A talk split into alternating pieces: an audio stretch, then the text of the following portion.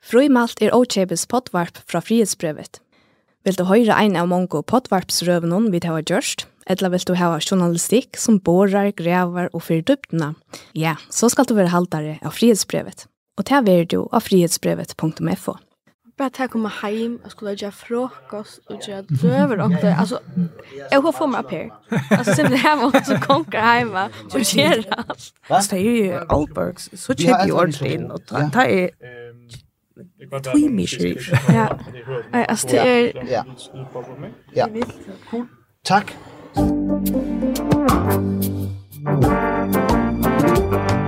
Hei her ein jubileumsparster av Frimalt 2.0 lustar etter opptidgen i Kongens København og vi tava ikke danska gester, men føreska gester det er ikke hyssende tøyme som jeg finner sauna her i dag. Først av at skal skal si at frihetsbrevet fyllte 8 år for en av vikosene, og vi gjør parsnummer holdt trus, vi hava tan politikeren i fyrjon som har finnet flest ekve og nærkant i det danske kongarøysen. Sjálbjørn Jakobsen i Liberal Allianse, velkommen. Mange takk. Du, uh, hvordan ekve ekve fikk du da du ble valgt inn av Folketinget? Mm, 4400 og Øytland i Halvfjers. Mm vi fakta checka upp på baukant i Lövemer i USA um till Neckbury för just med finns såna. Alle Brackman är förtöjning ganska. Ja. Mølja. Ok. Mølja. All right. Og hvordan koster helt i toppen noen, en annen som er helt i toppen noen, det er Kai Johansson som vi har mal i her. Favor man hava så nekvar uh, rønter som politiske journalister av Kristiansborg som du. Velkommen. Takk for det. Det passar. Det er ikke nekvar som har vært lukka lunch av Kristiansborg som du. Kanskje ikke lukka nekvar, nei. Onker er vera Kristiansborg er nøysene, men uh, nei, kanskje ikke nekvar, vet ikke.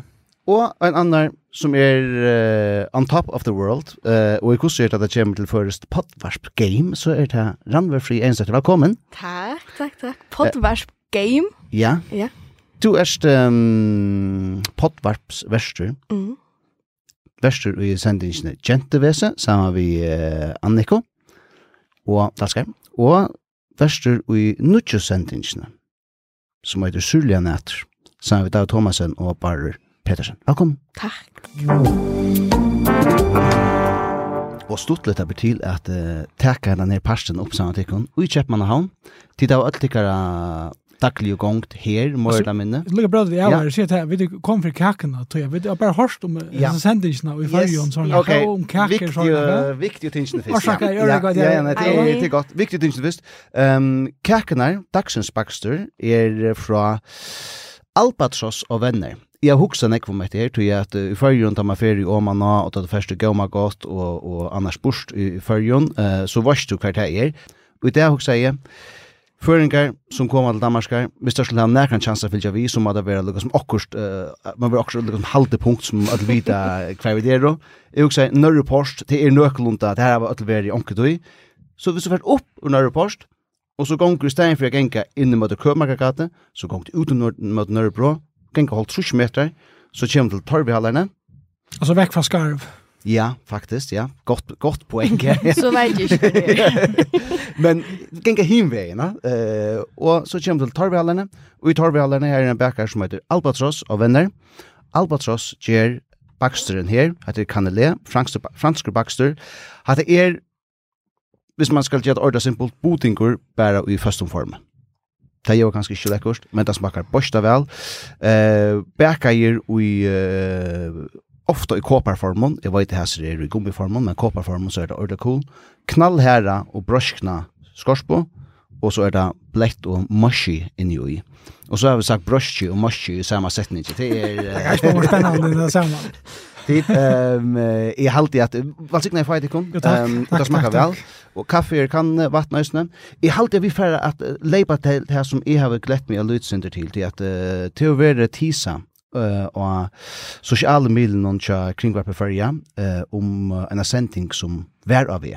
Nu er hun sendt, fyrsta sendingen, syrligere nætter. Um, og til er tid, som jeg nevnte Jan, som gjør sendingen vi kunne lika høyra et, et brått bors ur, uh, ur sendingene, og så kunne vi lika som uh, teka det herfra alt ja. Det var det. Har jeg bare noen, hva skal det gjøre? En godt uh, akseptera, så sånn the knaps, you know? Men det var hvis du var full on, bare bam, du var det. Så jeg, jeg synes sånn her, jeg er ikke min nødvendig for tunne skyld, du kan godt rekke tunne på en. Säger det först Ja, ja det gör du. Ja. Ehm hade var Jag hoppas faktiskt att inte var det så kom. Oj jo. Eh jag har sett under kvar Norge sentingen och och jag också hade här tackar vi ödlan för hon. Ehm här tablet tosa om ja det är ganska tusen ska fortälja dem. Kvar konkurrent den här sentingen om utopa och kvui kvui ser det så var det här. Ja, alltså Sörla Nätor är en sending. Men det finns det öliga gott namn. Ja, det är faktiskt inte vi som funnit på det. Det finner kåpa. Ja. Vi har funnet på så som uh, Juicevarsp. Ok. Og kan det være det BDR. Altså vi er bare David, Randvør. Ja, det er nesten like mann alt som har et RSP. Men, ja. ja, ja. ja, altså det var et elendig navn faktisk. Ja. Men uh, Finn Kåpa fanns så på Sørjanetter. Og, godt ja, godt navn. Og det er en sending som... Uh, hos, altså, Vi tar som allt och inte. Vi tar som det aktuella, tar som det som inte är aktuellt men som kanske hände. För någon år sedan vi tar som det som vi såg ned någon, det som vi höra folk ta om, det som rör sig med någon unga och den äldre eisene. Mm -hmm. um, och årsaken till att uh, bara här tar om uh, knaps och att uh, räka sig till tog att uh, vi tar om vad var ett turn on och turn off. Alltså vad man helt är läckorst och minnelekkurs ja. til hinn kinom. Mm -hmm. Og her sier tær så at uh, tær halda til at turn off, ta og jentan ikkje rega seg om beinet. Ja. Ehm um, och till det har stått lite att eh ta man tåsar om sover det här. Ehm um, till att det var liksom du har sagt om benen, räcka sig om benen. Ta ta mina alltså tar mina inte vi utan man ösne vi om benen men tar mina ösne mitten benen till 100% säkert. Alla stans. Ja. Ehm um, och och det är nog stort läm att det är väl liksom tar man sig till så hänger det inte samma. Tog jag att för 20 år sedan så var det hänger det inte samman alltså att de går räcka på inne men det var det alla faktorer som som räcka om mer än det. Jag tycker helst att det var så nämnt att säga helt för Johan Sjön och kring vart något som det är där ganska. Precis. Ehm och det det är det som jag hade verkligen förfriskande vi har sent ingenjör att att det vill tåsa. Alltså man måste säga visst det är onkel som inte vet så är det så öliga gott att vi har sagt här. Det är fullkomligt. Mhm. Ja. Ja. Det som så ösle väl altså, Peppe att jag tar nå. Spara men nej. Ja, ja. Okej. Det är det är viktigt att jag fast vid att det flest ja. halta faktiskt det. Ja. Ja. Ja. Public service. Ja. Det är public service. Faktiskt nej, jag har inte lärt det tar ut. Eh, där i halt visst att att det är befriande och och så halt jag ösnen att det charft av bara. Det det ska han öja. Tui att det är och inte att det flest och rockna vi taka fyrir givet at de fleste kvinner så etla så uh, pleia seg uh, her som pleia krevst um, men jeg gitt ikke at det er alt som hukse at de menn reka seg om bollene men det er altså uh, menn som gjør det det er alltid gjørft ja. av hon at jeg sier det og jeg vantar jeg som flere for å reagere och prata men det, det är faktiskt inte som har sagt något om det. Nej, och det är ganska tog jag sänd ingen ja. vi sänd klockan 12 och söndag kväll ja. alltså ta att det gamla person. Precis.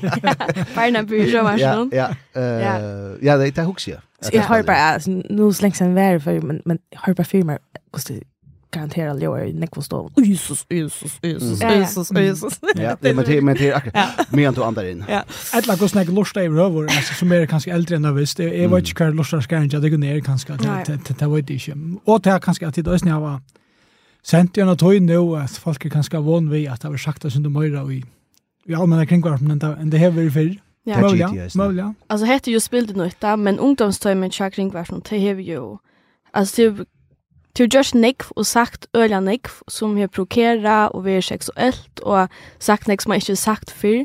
Du halte jeg så lagt der til øyne at bare akseptera det nå at ja. nu er det faktisk i leie at færre synder i mørk. Det passer, uh, og, og spørningen er så om, om altså, det, det er vel, det er ikke affärer i Bromarsk at også om uh, personlige hygien og, og preferanser, altså om det damer har, eller om det ikke damer har, altså det er, uh, det är alltså inte affär i Bromarsk, men... men Men det är nog det är nog stort till jag ösn vi vi är här alltså till för fruskan som är är Lars Scholver alltid jag sending nummer i Helge Malbalsgren men det är nog stort till jag ägla jag sa några till det att så just som det har sagt av förskon så är det något förfärligt något. Mm. Men det garanterar näck folk som hörst lust efter ganska P8 eller P3 eller P4 och och här her er stingen i ösn blåsökt men ungen textartikne och tøydeldømme, så. Ja, det passar, det passar.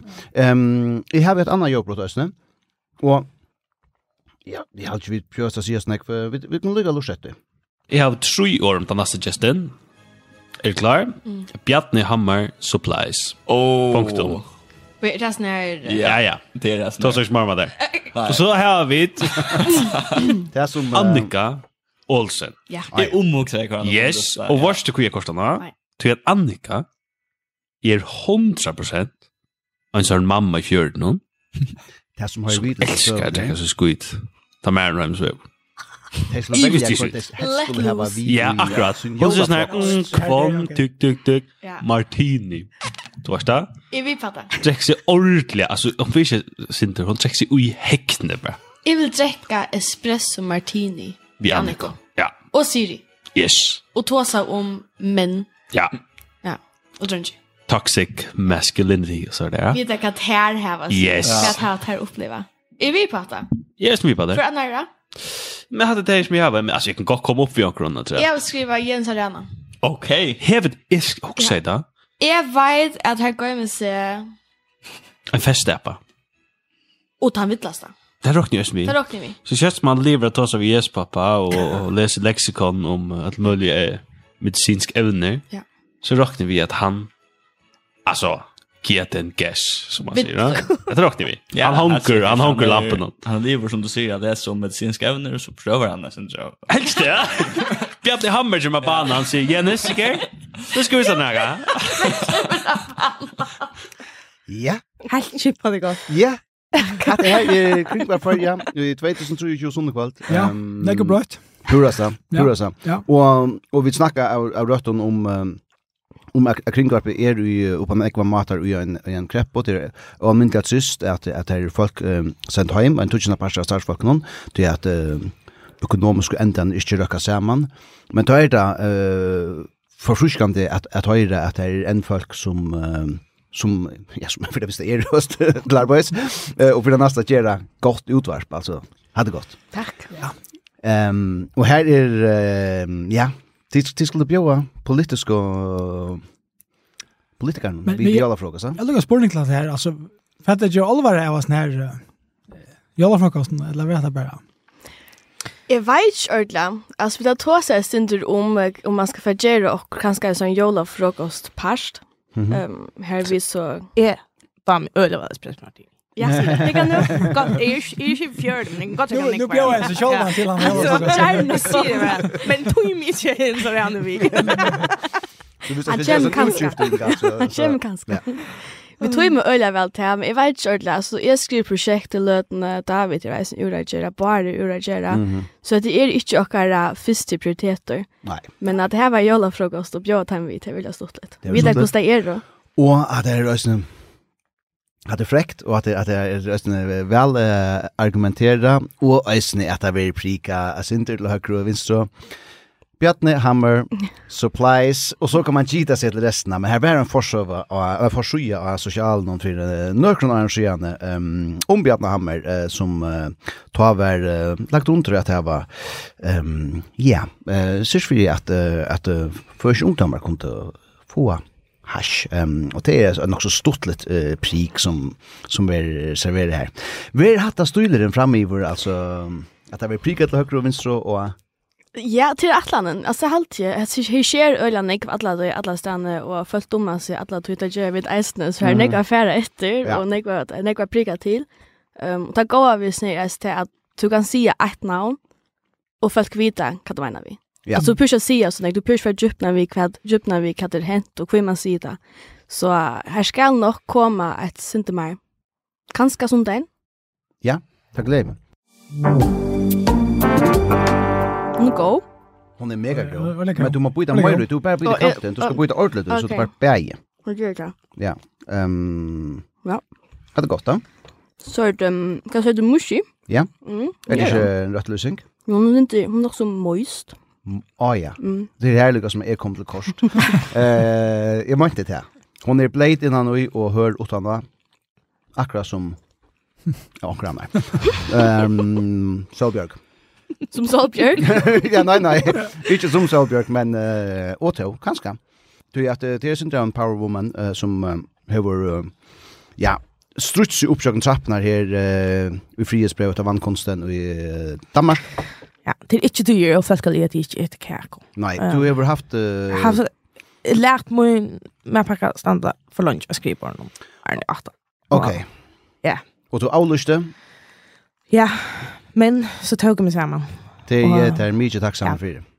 Um, du er at du er styr, og til er uh, et år siden at uh, Danmark og for så vidt en større parser av førjun lærte de av olvara at uh, kjenne. Du er folketingslimer for uh, Liberal Allianse.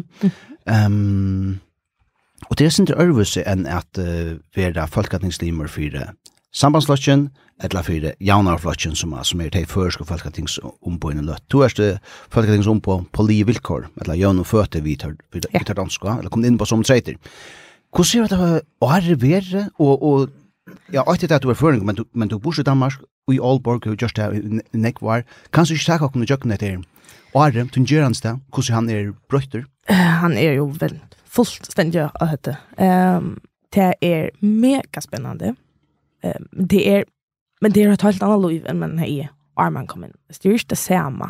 Så, så hvis, ikke man, hvis ikke man elsker det, hvis ikke man brenner fyrt, så du er ikke umynda mer, man tog det. Du, du, du brøyter alt liv til det det er du har ikke weekend på samme måte, du er ikke fri på samme måte, og ja, jeg bygger i Aalborg, og jeg har bøtten som gikk i skole, og sånn, eh, her hjemme, så at jeg flykker vi ølene gasser frem, så jeg bruker ikke snilt en 20 timer på transporten om vikene, og mm -hmm.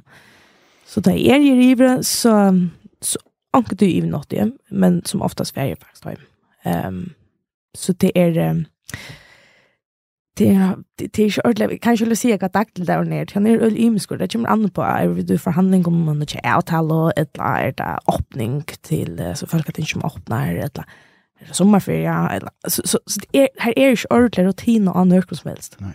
Ehm jag ska för något si at uh, det är mycket där nu men vi takke opp, så vi så en uh, atombomber sprangt angsten etla akkurst minne drastiskt er hent. Og vi ikke sånt da. Så er det tui men men jeg kunne også som er eller som at eller grunn til å si det at røsne tui at som Charles sier det er ikke alltid du er til Kjepmannhavn jeg skriver til tui og spurte om du varst her der varst du heldigvis um, hvor er du her? Hva gjør du akkurat nå? Ja, men uh, vi er her hessa vikna, og jeg er helt høy med hessa vikna, til at jeg er først høy i morgen et land det var faktisk ikke. Jeg var hjemme frutje dagen. Men uh, jeg var ikke hjemme for jeg trusht av knappen i Folketingssalen morgen.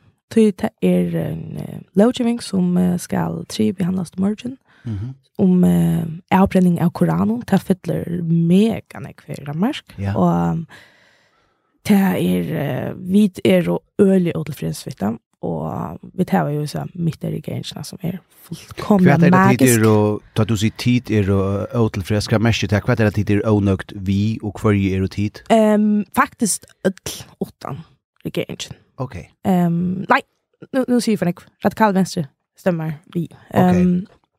Men hva er det det er åndøkt vi, og hva er det det maler snur seg om til at, i månsak, enn i Koran ikke kom til før, at det passar ikke, men, men hun, hun fyller altså ikke noe nekve her. Men det har vi Rasmus Paldan, det har vi sagt. Han helder for fantastisk, og han var for han, og helt ferie, Og, men da han ikke er for en helt ferie, så kan så da man øyelig vel at brenna koraner av, for at uh, faktisk for å provokere. Um, mm -hmm jeg halte ikke at det er en god idé å gjøre, og jeg halte at det er øyeligere respektløs måte at føres frem på.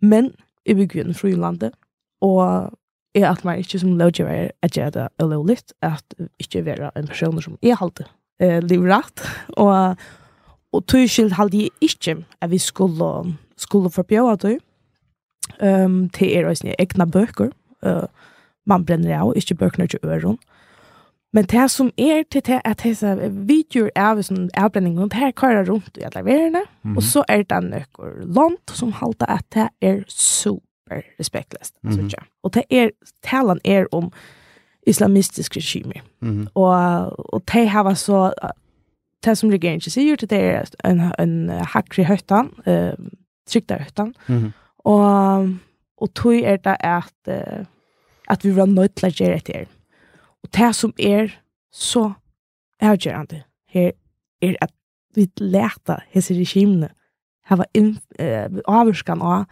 danska lovgivning.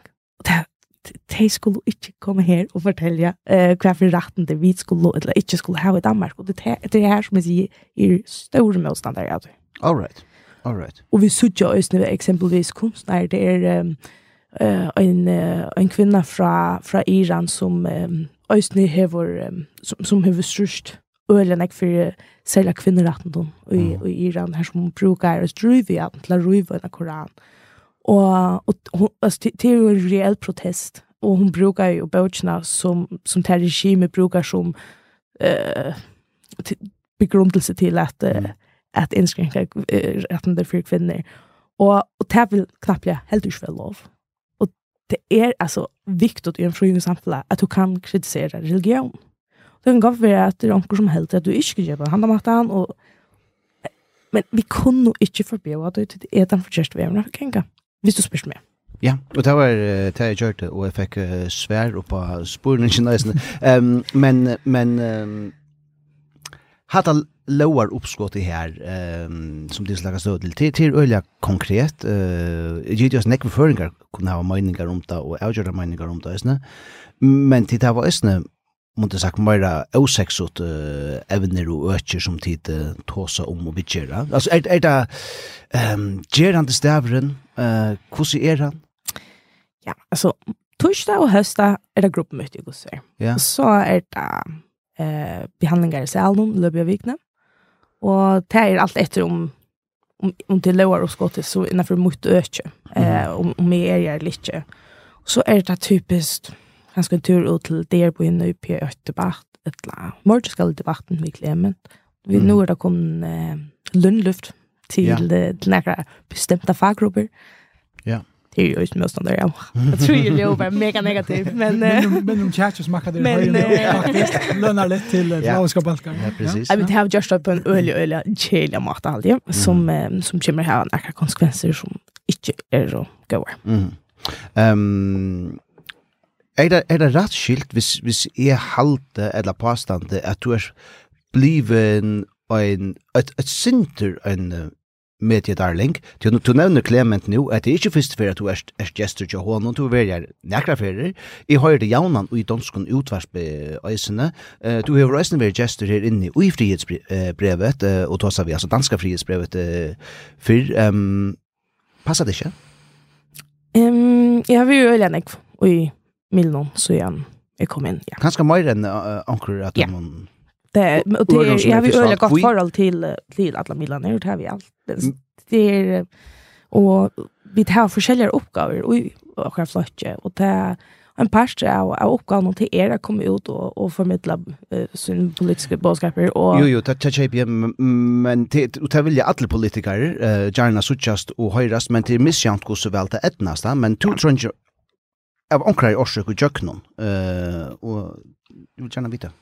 Hva du gjørst? Jeg har alltid ikke helt rett å spørre. Ehm, Jeg er ikke, jeg kom jo ikke fra en politisk høyme, og jeg har heller ikke, jeg er ikke oppvoksen akademisk, og tog ikke det her rørt, da jeg kommunikerer at det er, Og du är då ösne till öl ja allmäntligt smal. Ehm och det halt är är fattligt jag går gör det halt en pass out. Ok. Det är det lösen sig nå nevnte du du du uppbauten bakgrund og du har ösne nekka så osex som jurist altså. Ja. eh och altså, det är alla moja lust att look för oftast alltså. Ja. Yeah. men alltså det var min utbildning, det er det som mig er. Nej, nej, men, så, men, men, men, ja, men, men hvis du er sta for nek, så är du en jeg Jag hör. Halt det. Ja. Um, Kai, du erst... Uh, ja. Um, ja, altså jeg har arbeidet nekvar av Kristiansborg uh, som journalist. Vann ja. uh, vi at uh, tåsa vi, uh, jeg vet ikke om vi er så freker typer som, som Sølbjørg. ja. um, Hvor tror ikke sånn i kjøkkenen? Um, hva er det som, som gjør det? Ja, jeg vet ikke om jeg skal dømme henne stedet noen der. Jeg kjenner, kjenner, kjenner han ikke så vel, men bare ut fra det som jeg sier i allmenne rum, så det er ganske flere ting. Jeg vet ikke. Mm. Du var du var där tossa. Ja. Eh Ikke først mer, som at færa nå, om kjønta fæst. Det var det ta seg, og vi sutt jøysene, finnes det i imiskon sosiale meilon, så har nekka, hever ofta kraftiga møyningar om imisk ting, ja. og, og kanskje jøysene finnes nekka noen målsøkjer som, som kom ut til allmenningen, og jøysene blir en politisk ordfører med landa, og alt det tingene til samans skal gjøre til at, at det var lagt mersk til henne, og tog vi hun, brukt til, til at komme ut i Milan Og så hvis jag onkel Mil här brukt han ena för Latvefer och og såg jag til at han hever kanske noen kraftige meningar og då mm. väl att hossa och så vidare. Så ganske närmare jag Milan noen atter at, at kontakta er en är för. All right. Det, ja. ja omedelbar vurdering. Ja. Jeg kjøper det her. Uh, Nok annet som jeg ønsker alltid uh, to doer vel, uh, det er at uh, Och ja, ja, grund till att jag kan komma in och vurdera det där att jag var läsande i Danmark för 15 år sedan. Ehm um, ta var jag ta i kontor i Kristiansborg ösnen. Ehm um, ta var väldigt stort jobb här va. Eh affär in här. Men uh, så tog ta chilliga som tankasjetterna. Du tåsar att du väl formulera gröja sättningar. Ehm um, alltså boskapen tror jag lätt att jökna alltså. Ehm um, och det viskar som om att det är är näka to erst uh, tillvida om att du kan gott köra alltså som man säger de ska fyra en lång smör är men så är det alltså bam bam bam alltså mm. ösnet här. Och ta, vi tar ju gå folk omkring och um, Ja, här det där får din media träning. Vi eh uh, ja, som får som flockar jag mer på sjön den andra. Ehm men vi tar var ösnet haft några seanser men så har vi det ösnet eh folk som som hjälper oss i det dagliga. Mm. Så så vi ser ska nu gör så skulle jag snacka om om detta lönelyfte som är givet och så kan det ringa och säga okej jag har hur sig det här jag har sig det här jag har sig det här så hör man någon kan spela bält och bält och säger det ah skick på att ska se hatt. Så okay. det typ så så du fast ju hjälp till det ehm så så det handlar ju om det som är allra ringast och det som är helt mega ringt i början det är att säga det viktigaste först ja. yeah du är du du du skickar på att och här är akademi här är akademiska och alltså akademiker tar skulle alltid förklara det och säga ja men men det är ju tillfällen här som det så läs nej du du vill not till att säga Ja, precis. Och här kunde atler. Alltså atler för ju politiker last näka.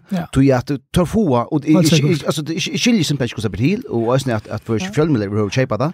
Alltså att ta få en ordla konkret spårning som tog nästan kan Sverige ja på och så säger jo men första ödlo må säga att när kommer stå du måste inte första ödlo säga näka som helst alltså du ska svära på den spårningen. Man björs för att Adam är och kvar är så väl då. Alltså det är nästan halta hitchar lustar för jölt alltså vi är ju shit ju åt där. Men det kan kanske också näka som Milan är är eller som folk är vant vid i Milan och sånt. Christian Swark politiker tar då eller väl att ta sig i tog 15 sekunder sunkon då ja. Och det här gör föringar inte på samma mat. Så det kanske vänner vi just att man vill klippt ur tar sjunkan i liksom långkrig och så vad gör det så så ganska ganska blickar nekva ganska blickar då väl ändrar det att ta mot att sam mot att sam om att och jag kött det va det vi vi ser ska snacka om näka eh och i vad kan vi med här och det här ska komma ut så så kan du tvei finne på at uh, spyrer med et eller annet, og så sier det som jeg vil gjerne ha og kommer ut, og jeg vet at godt nok bringe deg, senda deg um, alt klippet först för du tar det direkt bara. Men ja. så kör det liksom i en, en sån loop alla ja. dagar. Ja, visst är det news. Och ta är det bare 15 sekunder. Ja, ja. Så du skiljer så säger det samme. Tror jag Ja. ja. Du är så klipp kvart och vilt. Ja. Det är ju det som har hos kan komma ut. Ja, just det. Och det är super irriterande för en journalist. Men Ja, men när andra avsnitt vet att jag intervjuar danska politiker så spelar på ena vän kvart det ska brukas. Ja. Du visste att vita till att det ska brukas i en tydda sändning så svärdar next det. Visste att vita till att det magasin sändning så går det gott att tillåta sig till det utöpa tension listen mer. I är i dam slash att man ska förklara det på 15 sekund. Visst det är det man verkligen vill ha en en begrundad hållning. Og då har jag heller inte mer över irriterande. Men Jeg vil heller uh, hava en altså, p8 debatt är ju halvannan timme. Ja. Det debatten en hel timme är snä. Du kan få deadline och snacka i en halvannan timme om att det damer mer än bättre. Men det är bara det släppt bara bestämma. Nej. Det är väl korrekt. Ja, en trade. Ja. Skiljer faktiskt eller illa kan det se ju i förgen. Det är då som politik. Ja. Særlig en som toppe. Ja. Jeg aner ikke hva han sier, og han heter røver reisende. Jeg vet ikke hva han tar seg om. Jeg sier bare nytt. Du lover ikke for det for nøkron. Jeg er ikke heller hva du Nei, og jeg sier bare, jeg nytt bare, ja, akkurat. Skilje, og ikke som vi har sagt, tror det så fløtjes litt. Og du tror det hekta av åren, eller hva? Ja, altså, og jeg synes jeg til dem, så når vi hørste toppa, ja, han, han har haft noen nekva røver, særlig av Ronavøk. Og, og sier skal at det er favor med over i førjen som fær sånn ekva medietøy som Torbjørn Jakobsen fikk. Ja. ja. Og Ja, det første sekundene i regnet følger vi, og så begynner han, og jeg bare sånn. Det blir alltid, det blir alltid, det tar man til Johan Toppa, så er det alltid. og så går det i gang. Så, og, og, her, og herfra, ja, og han heldre som røver og kvæt, 15 minutter kvæt for, Så en lusje kanskje 30 sekund, og så sier du bare nittje i første Men skiljer du at årene? Det er det som er min utfordring. Nei, nei, jeg skiljer ikke. Jeg skiljer politikk og årene flott til Danmark her. Og, og tog her, alt politisk mål har vi lært av danskene. Og ta jeg som skal lusje, ikke om det blir nemmere nå, men, men ta jeg som skal lusje etter før, skal nå gjøre den om politikk. Åh, hva er det nok der året betyr? Det er årene ikke skiljer. Det, det, det, det er ikke det som, som man leser i bøkene, eller Ja. ja. Men hade hade hade ganska det att man ska onkel ska man göra kött ja och det är ju topp i öliga retoriskt väl för alltså bait han skriver åt åt han helder över och annars han öliga retoriskt väl för det ja. Ja. Det kan man inte ta väl. Men helt den att att att Lana ur ur Danmark som de flesta försk politiker gör så lämnar han i Ryssland och och och tar blöver liksom som så så erst öliga försk fram undan och så kryddar där vi vi utländskon år och vänding så så så är det sån avs möbräcka tja tja nek man fallt det passar. Ehm jag kan gott huxa mer att spalt ett ett lyde jobbrott ur ur folkatingsalen. Det här är ett ett ja, hever du så ikke klipp sunter og saman Bjørk, så, så det er ja, inne i, i folkatinsen men det er en dialogur som tu og Morten Messerschmidt i Dansk Folkeparti heva, formøren i Dansk Folkeparti, Og jeg vil si at eh, kanskje fyrre parsen er det synder, altså eu tur, til politikker, eh, og, men jeg vil si at jeg vil lukke heng ui og til at det blir stort litt uh, til endans, og, og um, vi kan ta sammanhängen at han Der er sket et skifte i DF siden herr Morten Messerschmidt overtog partiet, og det skal bestemt ikke tages som kritik. Jeg hører en kommunikation, hvor der er klar DF-politik. Hvis jeg var DF'er, så tror jeg faktisk, jeg var rigtig glad. Jeg synes, det gør jeg godt. Jeg hører også et fremragende fokus på afbyrgelsesering, som vi i Liberale Alliance deler ambitionerne om. Og også gerne skattelettelser der, hvor det vil gavne danskerne, og hvor vi også kan finde, finde fælles fodslag der. Det gør mig lidt nysgerrig på at høre, hvordan det her nye DF, forbedrede DF, om man vil, ser på det blå samarbejde og DF's rolle i det blå samarbejde på sigt, især taget i betragtning eller sammenlignet med de tidligere par perioder, hvor det har været lidt knas på tråden. Ja, nu er udenrigsministeren gået, så kan vi endelig tale frit. Øhm, man må jo sige, at den periode fra 2015 ja, ja. til 19, det var nok ikke det borgerlige Danmarks finest hour, hvis jeg må bruge Churchill-citat. Der gik simpelthen for meget nid og kævl i det. Nogle gange, når jeg ikke kan sove om natten, så ligger jeg og tænker på alt det, vi kunne have fået igennem. Hvis bare man havde oppet sig og egentlig havde fokuseret på det, der er det vigtige, nemlig hvad vil danskerne, hvad var det danskerne forventede. Det lykkedes ikke, men så sker der jo det heldige i politik. Ikke bare at udenrigsministeren forlader salen, men at nogle gange, så er der også ledelser i partier, der ikke kan sammen som får skiftet formand. Og det er jo det, der er sket for ordførens parti, og så også lige for undertegnets parti. Og jeg bare sige, i dag, ja, vi vedstår os jo de forskelle, der er, og de er der. Men vi vedstår os jo også, at vi kommer fra et, et fælles udgangspunkt, når det for eksempel kommer om sundhedspolitik, hvor pengene skal følge den enkelte, skolepolitikken, hvor det handler om faglighed, øhm, retspolitik, hvor det handler om ret og rimelighed, og ikke ren resocialisering osv., udenrigspolitik, måske også lidt EU-politik, og det er da skønt, Jeg er overbevist om, at den blå familie har en stor fremtid foran sig. Spørgen. Tak for et fremragende svar. Det er lidt træls at skulle tage et, et ømt og alvorligt emne op så lige bagefter, men ordføreren kom også lidt ind på det i talen. I 1999 så sagde derværende statsminister Poul Nyrup Rasmussen følgende om Dansk Folkeparti. I kan gøre jer alle anstrengelser, I vil. Stuerene bliver I aldrig. Nu ved jeg ligesom ordføreren, at der sidder mange journalister her, her under Ekstrabladet, og de ser også med. Og derfor vil jeg gerne spørge hr. Morten Messerschmidt, om DF er blevet en stueren. Eller om det er hr. Morten Messerschmidts hund, som har besørget sig på gangene på Christiansborg.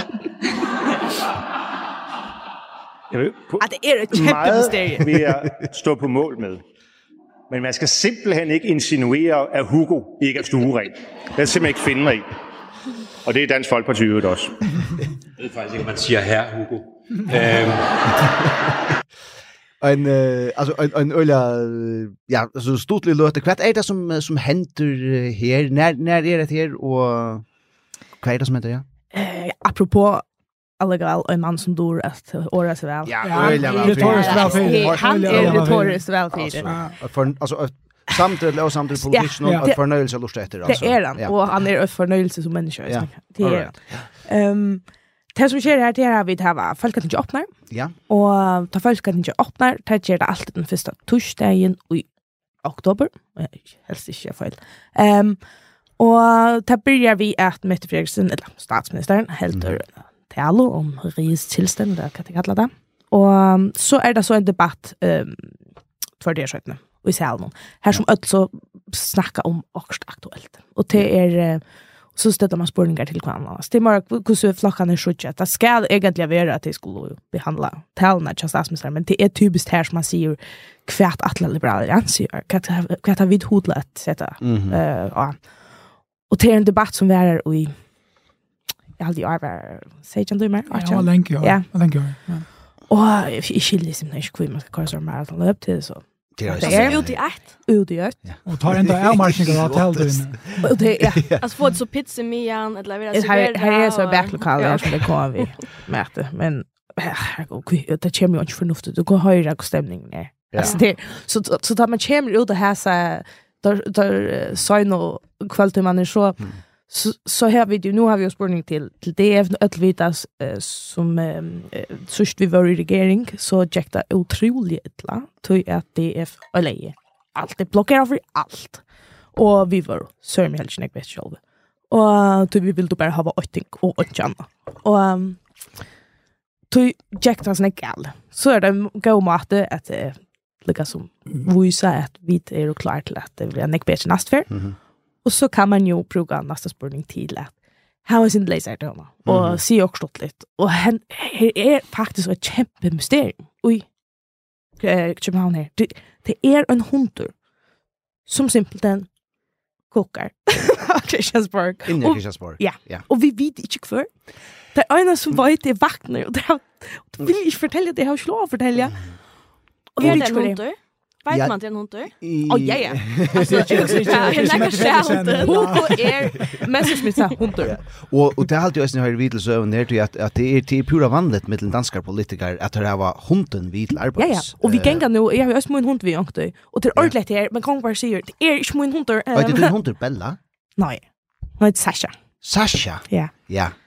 Så är svarta. Men ja, det är. Sasha Bella. Ja.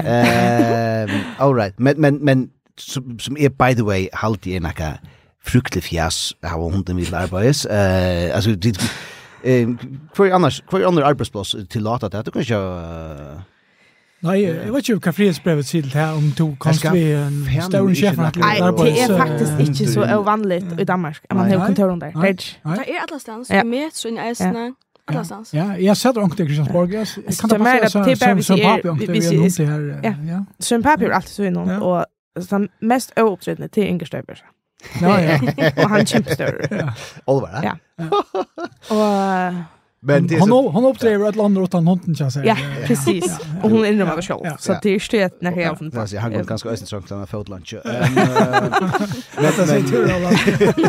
Men men det som är är stort där alltid ösen det är att att ta för nämligen Iver här och och to just här synte för Norlia att att to brukar sig utrava och klichén om att stora blir i aldrig och jag också har hört att det Øysene til hos Bjørk.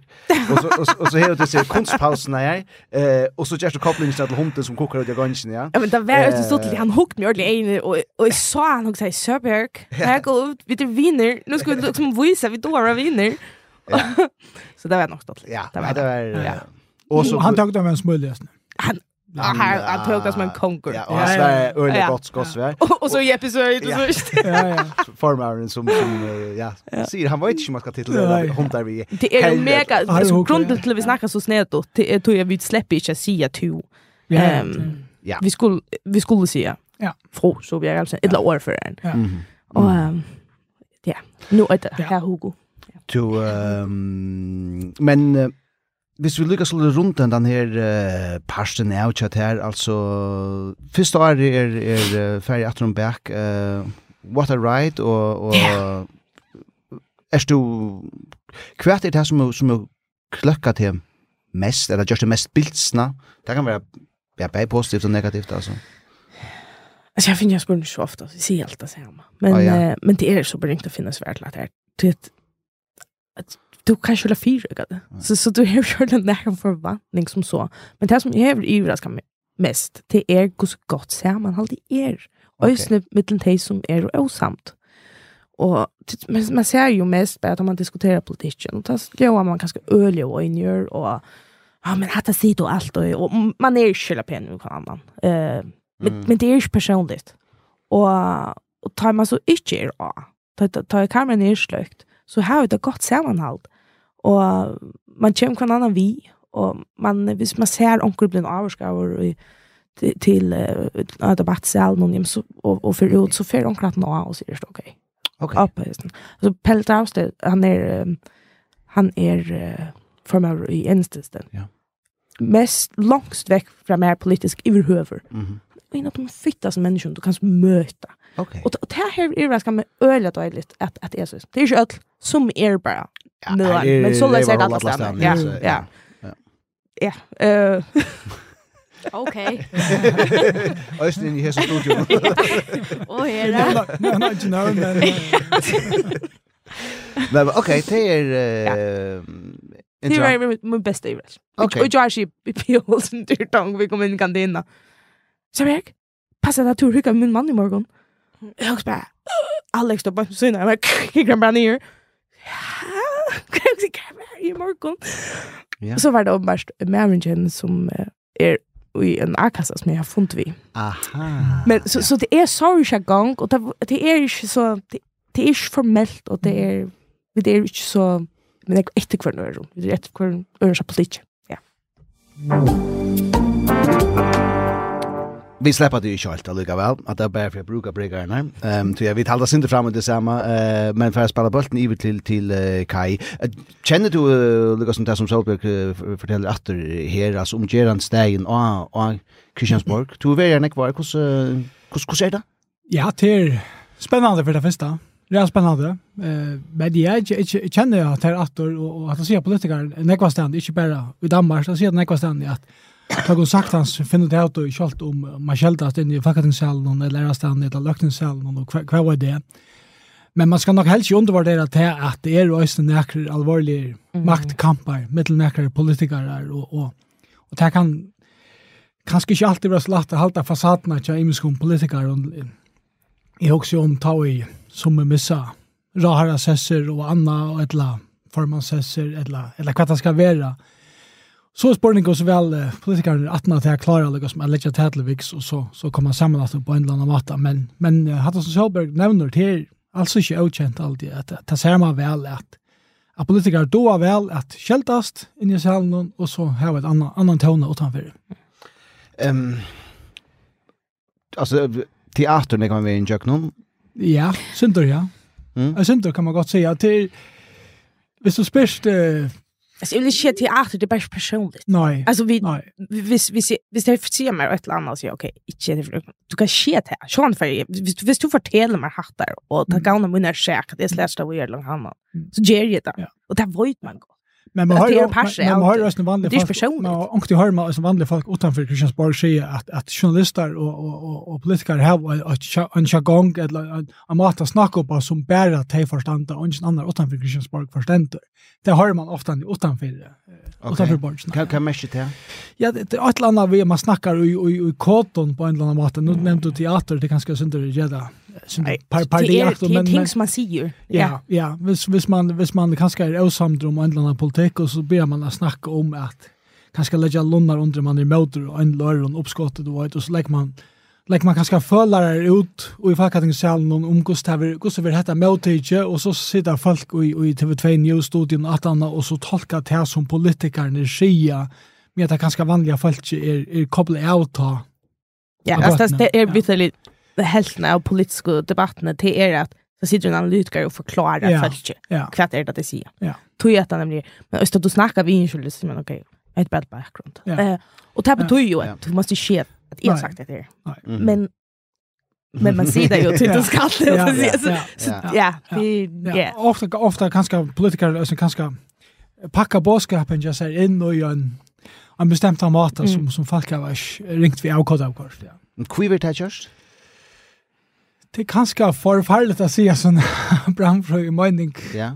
Bare fram. Ok. Tidje. Vi kvart. Ehm jag ser Arne av Kristiansborg då du alltså först och främst uh, täcka alltså man sagt förskan politik i Danmark alltså det som försk och folkatingsliv men eh Sjurskåle och och ja nu Anna Falkenberg och och Arne hur det så vidare. Upp igen är Edmund Johansen alltså ja. som ehm um, Magne Erke var skift i oss nu. Nämligen ja. Och här var som vi andra värda folk inne ja. helt stort uh, Barbara mm. Goldluck och Paul över inne och Topp topp som snackar om Janne. Nettopp. Ehm um, Og, men men det er lukka som Ter tei, Uh, du var løsten tosa vi vi vi eller det var ja du hevur tosa nekvar er politikar i, i øren og er er er det moner at først, og den danske politikeren? Ja, det er alltid det, altså, det har vi inte rent inte bara at dekka førka falkningslimmer til det kanske blir så smalt hvis det blev bara til ja. Ja, för vi skifter. Først vi skifter som holdt rutschfallskapen og, og nok snakk på Arstesøsne og rent ikke støynder til farger och og til och Mm -hmm. Eh så, så ja, man, man kom halt halt vi nekvar, nekvar politiker och øsne. Ja, i halt jag en jeg är av i kvarst, ja. Det Eh det. är det Imige måneder, ta måneder som vi snakka om i Janne, vi at i sommeren føren halte at danske politikere då er bättre å komme inn til, til sætjene.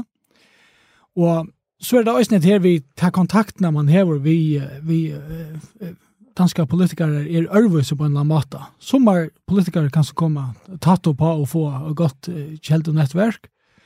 Men uh, i åren føren kan det, eller i nekken føren er det lettere i føren, då. vet. Det er så feier, og det er veldig arbeid kring hvert noen år så er det personliga telefonnummer ikke ödlån og alt det her, og det er nesten lukka mye hvordan uh, nekva skunta i heva, så fart alltid fætter det man. Ja. Her er det synder ørvøse.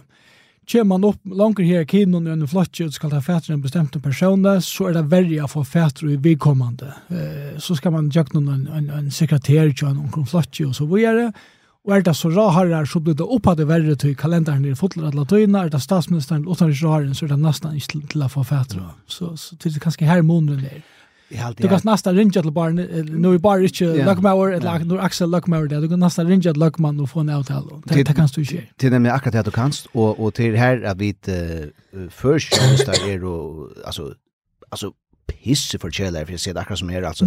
Det är helt forbanna irriterande er rinja at var trutja för til uh, Axel Løkman og, og han är ikke sværa der, skal helvete bitte han seg inn, altså, du vet, jeg skal hava en press ja, nu, og han er bare trutja fer liksom, og man ja. kan nesten nøyste skriva sånn ja. her båt til han i sms og, ja, ja. altså, du vet, du kjava, ja, ja, er kan tjoa, altså. Ja, uh, og, og du vet, jeg oppsri, lorst, ja, men altså, og det er han jo ikke, han, han er jo Han är sån ting att passa. Precis och och, och kanske är då det inte så inte viktigare än en Roland som sänder brölar in ända. Ja, en annan mån rösten han att att det vi Action Sportgeisen Så är här där alltså ofta det så kallar för doorstep alltså en stottan tog inte fond och så hade kanske en möjlighet som journalister kanske så helt att få en spårning möjlighet att få spårningar sätter och så är det så är det helt ju så slappna stäv i tog. Vi hade kast stanta ner lagt in någon och, och hålla en, en politiker henne i halvan tog med lock Ja, nämligen. Det är doorstep uh, fyrebriktet. Det är inte flott till förja än. Nej, inte än. Nej, inte det. Det är det mest chelia i allar verden. Okay. Det er oansett kvært okej, okay, nu har Åland så görs det ont här, det där, de, ja, finanslån kom och ta, valde Åland att inte göra som man ska göra till ett årstep. Det blev... Olbersk. Ehm. Men lyckas tack också i ja, handen. Ja, ja. Eh gruppperformer jag. Ehm. Och han ja, han lägger den goa stämningen. Vi går till toppen. Här vet jag att det är. Inte Olbersk. Ehm, men eh det dårsläpp det är bara nu man gör en outhallo. Og så kommer alle partiene ut som er vi i avtalene, og alle er jo klare stand av sin talpapurer, og man skal pressa seg på, for at uh, du går ut, altså, du skal hava det mentalt vi tar det først ut ur forhandlingslokalen at gäng så tatt på minister som mødligt du så først gå en kameravinkel ta, i, ta det i nødkjøtt noen og, og så stent du sånn her så stent du skal du suttje øl og nykka ta i ministeren det alt er fantastisk med er i avtalene og Og så får jeg lov til at jeg snakker i cirka 30 sekunder, eller 8 minutter, uh, og forteller hva jeg er mest glad for vi i Seattle. Så stand og lærer seg at det er simpelthen så fantastisk. Og ikke må innan da. Altså, det har stiget i øyes forhandlingslokalen, og så skulle det så jeg sier også om hvordan kaffe det har drukket eller et eller annet, og det er det er teater av alla värsta skolen. Og ta for för politikerna, men ta for politikerna i boskapen nu, det her kanskje ikke väl chanser att sätta sig kritiska spårningar äntligen. Ja. Ja. Och det är jag har inte diskuterat. Alltså jag till och till sen nämner mat jag kommer på sjur Eimon eller eller patent och stöv och på. Alltså nu har vi sagt akkurat, men vi vill kan ha vi inte sagt till att det tog sig att så kom. Ja. Alltså hei hej Anders Falk var forskningsråd så hei han kvann torsdag en en tøyndafond. Her politikerne kunne sette spurningar ut i ått, og så var så var og det ble så søttene eh, avskaffa. Og, og så, så gjerne ble det til at man har den her spyrje tøyman som, som, som er, man kan sette månliga fyrspurningar til, mm -hmm. til forsvarsraren om, om torsdagen, og, og, og så kommer forsvarsraren ut, og Sven er så faen spurningen opp på, uh, fra pressen, og så för sted. stä. Eh, till till till til, til, til annan mat, ja, styra kommunikasjonen på. Och det är nämligen öliga störst i det alltid. Um, En lutland rövare av fra Kristiansborg, Kai, hva kan det være? Akkur som man ikke skal si og åpne mikrofonen? Ja, til det. Sier akkur sjukt. Ja. Ikke alt dette måttene som du sagt. Ja, ja, men hva skal jeg? Jeg enkla er nesten at jeg fikk han si jeg skulle si akkur så var det tog at hva er det skal jeg fortelle, og så husker jeg om akkurat, og ja, okay. alt, alt skal sitte med godt i Oslo. liksom. jeg, jeg kan også fortelle akkurat som kanskje ikke så øyelig flatterende, mm, -hmm. ja. vi skal ikke spille andre, kanskje Nei. med kjølvann kanskje. Ja, kom. Så, så, så. Ja. Ja. altså, ta vi, ta Mike Pompeo var i, i, i København, mm -hmm. så skulle jeg dekka det for kringvarpet, og gjøre det også for Grønlandøsene, og, og jeg gjør det til at Jens Arena skulle jeg ha funnet vi Mike Pompeo, ja. Ja. Og, og det var øyelig trygt der oppe, eller trygt der hver halvdelen den her dagen, og vi skulle møte Tullia, vi skulle tjekkas for alt mulig, om det hadde bomber inn vi, og det var hundar, og alt i tasken, og jeg var ikke snakka tøymer vi skulle være åren. Og Att var under under corona og i hejer som där som du där Selberg i hejer som ilt busen som där. Men jag tänkte vad skal han vet jag hon skal inte färra meg fram vi alltså i vel, lugga väl. Jag borde faktiskt inte vill färra det alla avar om at at det sjuka känner skal du färra. Ja. Og Och fær så til denne fonten, og et eller annet, så skulle det tøyne fonter, og, og vi var så kort inn, vi åttar ministeriet mysteriet, nok slengt arjen, mm Og vi har så kort inn i et høl her som tog det funnet skal være. I halvtid en 22 timer av åren. Minst alle. Og her skulle vi så sitte. Og her er PT-vakter og, og løyvakter til Mike Pompeo og hva var det. Og jeg er så helt i busen av det. Det var ikke helt godt. Og så Og skulle man væs, så skulle man fælgjast av væs. Jeg har vakt og, jeg, og jeg fær så, jeg skal så ha væs, for det her, her rumlar i snegge brødsene. Jeg skal spære det for alle detaljene, men, men jeg får så ves. Men jeg skal altså ikke ordentlig han jeg ves. Ja. Nei, det, det skal jeg ikke godt nok. Han fyllt meg så til hårene, jeg får sånn til vese, og vese er åpe. Mm -hmm. Og her er så standard som en pissoar, og så kommer jeg inn og lade hårene atter hvis man skal nakke inn i her. Og, ja. og det var ikke så galt at jeg skulle inn her som hårene lette atter, men jeg husker bare, jeg får i vil pissoaren, og i samme her, så kan det lykke Alltså lätt att synda. Ja, en en prom. Ja, en prom för ut så ja så så så är det liksom stabiliserar åter det var där och ingenjörer så fint ta grej. Oj, tog vänta mer. Hon hade nu ständer och en vakt inne vid horn här som inte jag ser. Och han är bara han är bara så kallad alltså. Här är inte jag mina för honom alls. Och jag vill helst gärna kan in och så är Jag körde min rörn där inne och så så färgas det alltså. Ja, det er godt. så Angie Bomben, men en liten sponging. Ja, en liten sponging, men uh, ikke allvarligt. Og man vet att här folk reagerar. Alltså, yeah. bare, flen säger jag också, oh. Jo, hoppas jag orsakar, men det var så flowigt at vi säger ikke. Du, Luka, eh, för att runda till, okej, Du uh, du har nu flott eller just as man ikke skal. Ja, åt er a prumpa fra för Og hit er hit er att at du lagt journalistgjerningen av hitlene firebilsgjøtlen for henne, uh, og er bliven uh, ja, kunningarfolk. Jeg er ikke gjerne hos jeg spinndoktere, ja, sambandslasjonen og, og, ja, ja. og Anne Falkenberg. Um, kunningarfolk kallar du det? Ja, det er kunningarfolk. I kontrakten stender samskiftesradio, jeg vet ikke om det. Ja. Alltså spinn doktor. Ja. Ehm, hur ser det här? Det är spännande. Ja. Jag tror ju alltid att jag får göra det. Nej, det är ju inte. Nej. Det börjar ju mina karriär som journalister och näkvar att det så säger utan folk om du sport och så säger jag får aldrig. Det vill aldrig göra. Ja. Men det var ju eh att när kanske när de 20 år så följde det att jag säger det som som tingen om att om att det täcker det som tingen om att om att om att. Ja. Og så kommer han til en viss en alder som jeg helst tror jeg kan for å gjøre som ødel inne og sier at ah, jeg tror ikke jeg vil ut og inn resten. Så valgte jeg prøve også annet. Mm. Og det er spennende. Ja, det er det. Ja, det er det. Okay. Det var ringt i fyrstene, men nå har det liksom stabiliseret seg. All right. Og då är så att at det är allvarligt och spännande tänker ut du. Ja.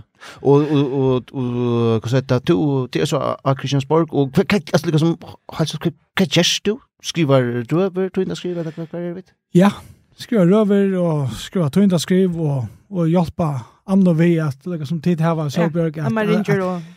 ringer ringer ut till andra och och, och sparra vid sig andra bruk för sparra om onkel tänker vi skulle lägga onkel påska fram sånn såna och och men men allt det som vi skriva altså man man får brukt det journalistiske anbøyene som man har nu ska man bara skriva eh, kritiska spårningar man skal, man kan kan bare, vara på eh, jag der där positiva sövnar. Men allt det som vi skriver, det är det som Anna kommer vi. Alltså, jag ska inte ja. bara sitta och skriva akkurat. Alltså, ta er, om du rövar vi skriva, eller tynda skriver skriva, så är det baserat på att man uh, tossar vi Anna och Arjen, mm. väl och vilja, och, och sportstjärna, varför bådskap vill du ha ut? Och så vill jag skriva ut från tog, och så, eh, så ja. kan hon göra såna rättningar till det. Och så går ansikter. och så kanske kan att att att fyra kan på kvarter ehm journalister kunde spyrja om alltså. Det är en stund parstja. av sarvna kan man säga. Mm. Vi får flytta okkur til fyrja, helt stort arm vi tverra rundt denne parsen av, til at uh, mi flokkeren hever haft uh, landsfund, og um, jeg har lust etter røvene tja Jens Arena. Jens Arena er en, man kan alltid komma vil om Jens Arena, uh, altså om, om han som politikere, men, men han er, han er nok så fascinerande, jeg fyllt ikke alltid, um, tog at uh, han, uh, han doer så vel at tåsa vi teg som han skal uh, tåsa vi. Og det gjør han så uh, om vikskiftet, og um, han helt denne røve oppa 25 minutter. Vi får ikke spille han i fotballlytje, men, uh, men Jens han um, tok noen evne fram som han helt var viktig, og et av tøymen evnen er abort. Og i hesen døven vil rønt at uh, året er en av nødja forstått og lov, og min innelige avhetan til alt som er her, og som høyra røvna, det er at bia. Vere mivus i bønnen tikra, tætje det vi av bønarfunder i samkommun og kyrkjum tikra, at dette arbeid må enda vi enn er lov som verger til å oppfødda baden. Jeg halte det vi har bia. Altså, ikke så ekvislega til, eller ekvislega, så nek, ikke følt ikke så nek til bia. Det er, det er ahua verst. Eh, høyre, høyre, du har satt Kristiansborg, men du er ved uh, nere Salbjørg? Niks. Nei? Men jeg har satt av nekva fyrir nær, utkjeltene, som barn. Ok. Du, at, så det hade ljøa som fra øyner en møte. Ja, eh och du tror att ja, uppvuxen här. Mm. All right. Ehm um, Ja. Bia bia bia det er... Uh... alltså jag hörde att det här nu har vi brått just en arm för in to to visst jag kunde tack jag som sånas laktens väl ta var och image danske bilar hem förjon och och täcka väl jag var var själv som täcka väl gjorde dock för för kring kvar på dag men de flåfarna vi har hemma ta satt i middelen Martin Breum og, og, og, og Lotte Meilede, som arbeider til TV2, hun var korrespondent for Nekvar. Og Martin te... Breum har arbeidet for det er Nekvar. Nekvar, ja. Og de har bare arbeidet Nekvar i USA. Og mm. ta satt og de at, at, at Nekvar tog som, som fyrtjeks i, i, i veldesnån i fyrjon, ta mynti om hvordan det er i, i, i, i, i USA, Nekvar stand, i, i ja. Midtvesten i USA. Ok. Ja. At, at religion fyttelsen er ikke det är nämligen hun fyller det nemlig öliga nek og, og Jens uh, brukar det mycket det är interessant uh, fyra som att at uh, jeg halte ikke at det frekta meg hvis jeg sier at det eneste uh, som som tej mig fashion är samt og hvordan er uh, tar som platta mynda där mig fashion alltså bild Jens arena. Det var uh, lukka som trunna oppa uh, Jesus uh, tog att politiskt er der uh, som som, altså, ja høyre höger och vänstra det er i behøver ikke samt öliga nek mat, uh, öknar men akkurat den parsten er der så så samtidig. Um, I politikk har vi døysene ofta bruk for uh, åtter samstar, men vi har også bruk for futjentun. Um, Fyrir har det vært um, har vi hoa sida kjam, kjam i flasjonen. Uh, nu tja borsle, og har vi her i røysen en, en, en futjente, men en annan futjente kjam i flasjonen, det er uh, Norrlandehuset, og vi kan lykke å høre hva Jens sier om det. Folkleikar også, og som unga det fyr, og man ikke sikva at det ikke er bruk for mye flest.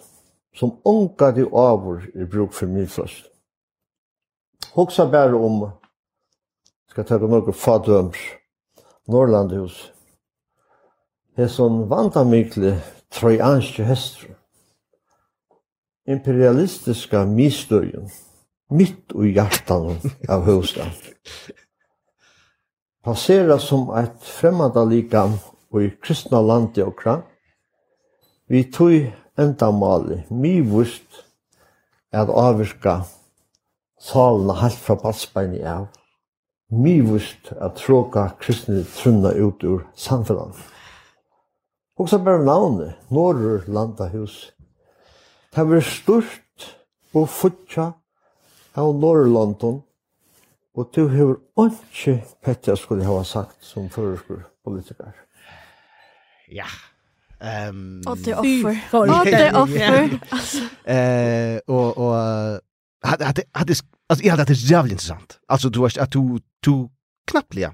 Hur funnit ju på att att Norrlandhus är är lika som roten till eh, allt ilt i förjon. Där börjar vi att Norrlandhus eh, för eh, några år sedan för att flacka vi vi alla på flatchen i samband med Prejterna. Eh, och så gärna lika som eh, hever eh, myflockren eh, var inte man ska säga kasta härter av Norrlandhusen, men det kostar eh, lika som det så gör ekva för Norrlandhuset i rute.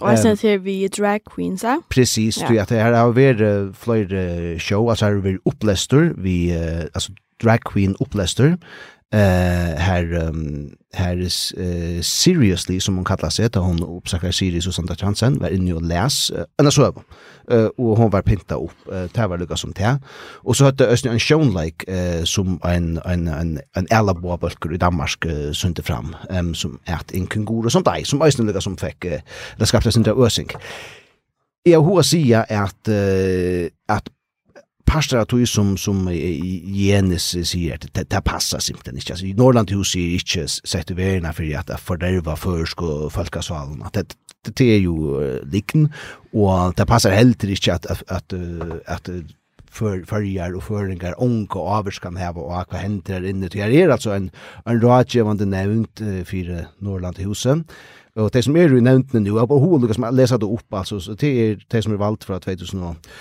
Uh, 23 til, til 26 til er og uh, Mertat Alsgaard. Hon er altså føresk, uh, så er Helle Tete Johansen, hun bor Øysten i, i, i Førjun, Asbjørn Jakobsen arkitekten, han er Øysten her, Jan Marsen Kristiansen, uh, Christian Black, som bor i Førjun i Altrusjar eller Hranakka, uh, Hannes Gislason, Barbara Samuelsen, Eirit Guttesen, Leine, Lara Winter og Barbara Hensy i Staureslov. Det er ikke tog i at, at, at, at, i alla flesta en Joas någon i öliga föresk och är och föresk alltså så ehm och det är alltså det mesta som som vi kommer Norrland till oss nu är alltså störst ja. och vi körs ur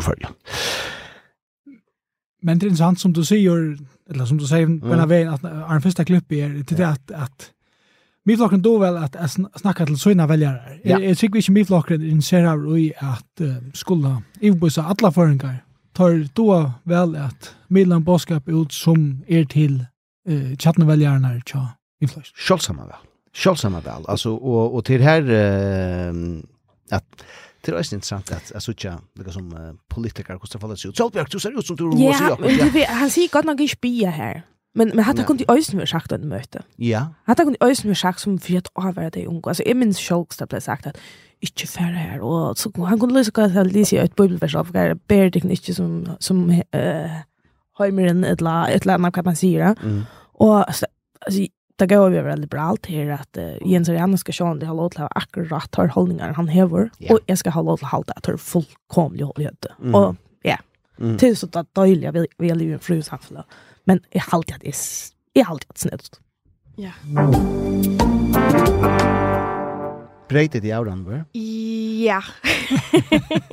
Vi er en breakere. Ja. Uh, nei, jeg halte på han dos for å tåse. Gjennom stor øle vel tåse. Og disse følelsene som han hever i hoa i medan han tåser, han overvis deg 100%. Mm. Altså, helt sikkert. Alt sida etter vi kjensler av, ja, hatt jeg huksa. Ja. Sjalt om det ikke huksa til æren. Og gjerne stor øysene, altså som favor, at, at uh, vera ui milenon, altså hikk etter honom ui, ui det i viko, han, han elskar det. Altså det er ikke som er så tilbakelena som han alboa nyra bor, og, og ordentlig allika som avslappa en uh, holdning. Uh, ta vi tøtt og tjekk i blabarer fyrir i frihetsbrevet, uh, Jens kom inn og han var sin uh, du vet oh, han var ikke ordentlig toppform med det og sin skriv og han sier noe skriv men ja ja du vet han var tatt inn derfor og, og men du vet det var trusht rekord og sagt nu er vi klar altså han var i toppform altså ja. han og, han gikk mitt på borne, og og lukka som sparka det i kinna på en og kom i stikkpillaren alla tøyna alla stedene altså mm. um, og han er en dorsk driven politiker han er jo politikken ekvar så, ja. så. Og æsni her, og æsni her inne, altså han er inne i en bar, jeg skal ikke gjøre første fyrir løyven noen, det, det, det var ikke ikke, men han, han frekventerer ikke noen barer. Uh, inni her, med hva Jens, han sender inn i baren sammen med Ødlen Binbolikeren, han fer øyelig alle som bevusst og tom, altså hinne menna uh, lukka som borne som standa framme for, og gonger og skåntsju dem vatten. Flere ferie, altså du vet, fra en til annan, altså du vet, det skal ikke vite seg at, at jeg drekker okra annan vi han er der, altså, bare øyla godt og tilbyda move, og jeg konfronterer han vitt, og han flender, du vet, altså, han var et utberska kanskje. Men folk vet hva det her var. Ja, ja. Alltså det känner han så väl. Ja, så han, som är, han överraskar, alltså Johan överraskar hur han säger och hur han ofta formulerar sig. Men väljarna vita akkurat hva de velja. Mm -hmm. Ta de velja Jens yeah. og min flotchen. Ja. Yeah. Mm. Tui er han så ivoisent æsne. Altså han stender alt det som man sier. Og Milan vid og æsne, nesten alltid hva det er å få at det er ferdig Jens. Ja. Nå, tid. Uh, skulle vi uh, si uh, hatt av det? Ja. Hva bra er Bjørn Vikskiftet, Randver? Jeg vet ikke, Ørla. Altså, jeg skriver prosjekt nå, ja. og det skal ladast inn om uh, tver viker. Mhm. Mm. Så jeg vant at jeg får skrive et synder, og så tåsa jeg, og jeg vet ikke om det bare var en sånn stortlig tanke, men onker tåsa meg for kyrst og sånt der. Ja. Til Det ikke noe som jeg gjør noe av. Og det var også en ballett Vet ikke, også Kristianshavn. Ok. Ballett, kyrkje, ja. ting. Jeg vet ikke ordentlig. Jeg halte bare at det var så romansker tatt, og greie. Jeg vil si at det skriver ikke for kyrkje, og det behøver ikke bare ballett. Man kan også bare for vanlige sondag utan, utan til ballettansar til stedet. Det er alle meg kanskje byen, så jeg vet ikke om jeg kan finne det av hva. Yes. Jeg skal være i Ja, Heim klokken åtta, og kyrkje klokken var litt. På sitten av fyrkjøving. Ja, til Østene. Takk om jeg har til. Så Bjørk, har vi hatt et vikskiftet? Men jeg skal hjem til Aalborg, og ja. her vi en, altså her lå vi en vinapære, jeg og Sjækren, her som vi skulle bare hygge et eller annet, og så jeg kan sånn vinn vinter, jeg får ikke baby, så jeg synes jeg tar baby. Hyggelig litt. Kai? Ja, jeg har alltid begynt i vikskiftet vi lærer morgen at for å spille fotball.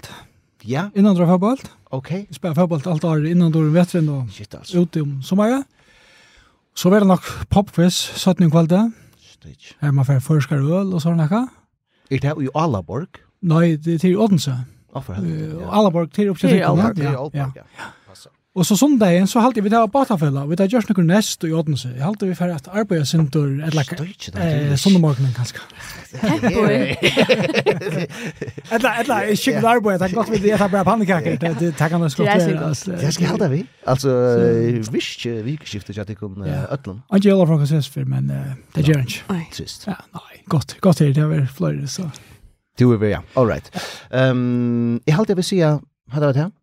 Jeg færre sjolver til jolafrokost, til frihetsbrevet i Danmark. Oh. Det gleder jeg meg ser han Part resten av mannen vi oss, ne? Ja, eh, det gjør jeg deg. Eh, det kommer Øystein av veien, eh, Jan og Barbara. Og vi færer Jolla Frokost eh, i konsernene, alle frihetsbrevet, alle frihetsbrevet, frihetsbrevet, og Og lekvalde så för förska fraktionen och har en jävla frukost att säga där vet færre og spytla till det då ska fri sprut ut og sier hva skrått inn alltså två tvår bøyter er ska skal gå gossir just som deg Det måste du, ska rensa Men jag flikk ved klokkan 12.30 som det då flick vi hem så nej det inte jag har en känning ta ja. Där kan man gå Kai Johansen, Saber Jakobsen og Ranver Fri Einsetter, takk for at vi var vi i Frimalt.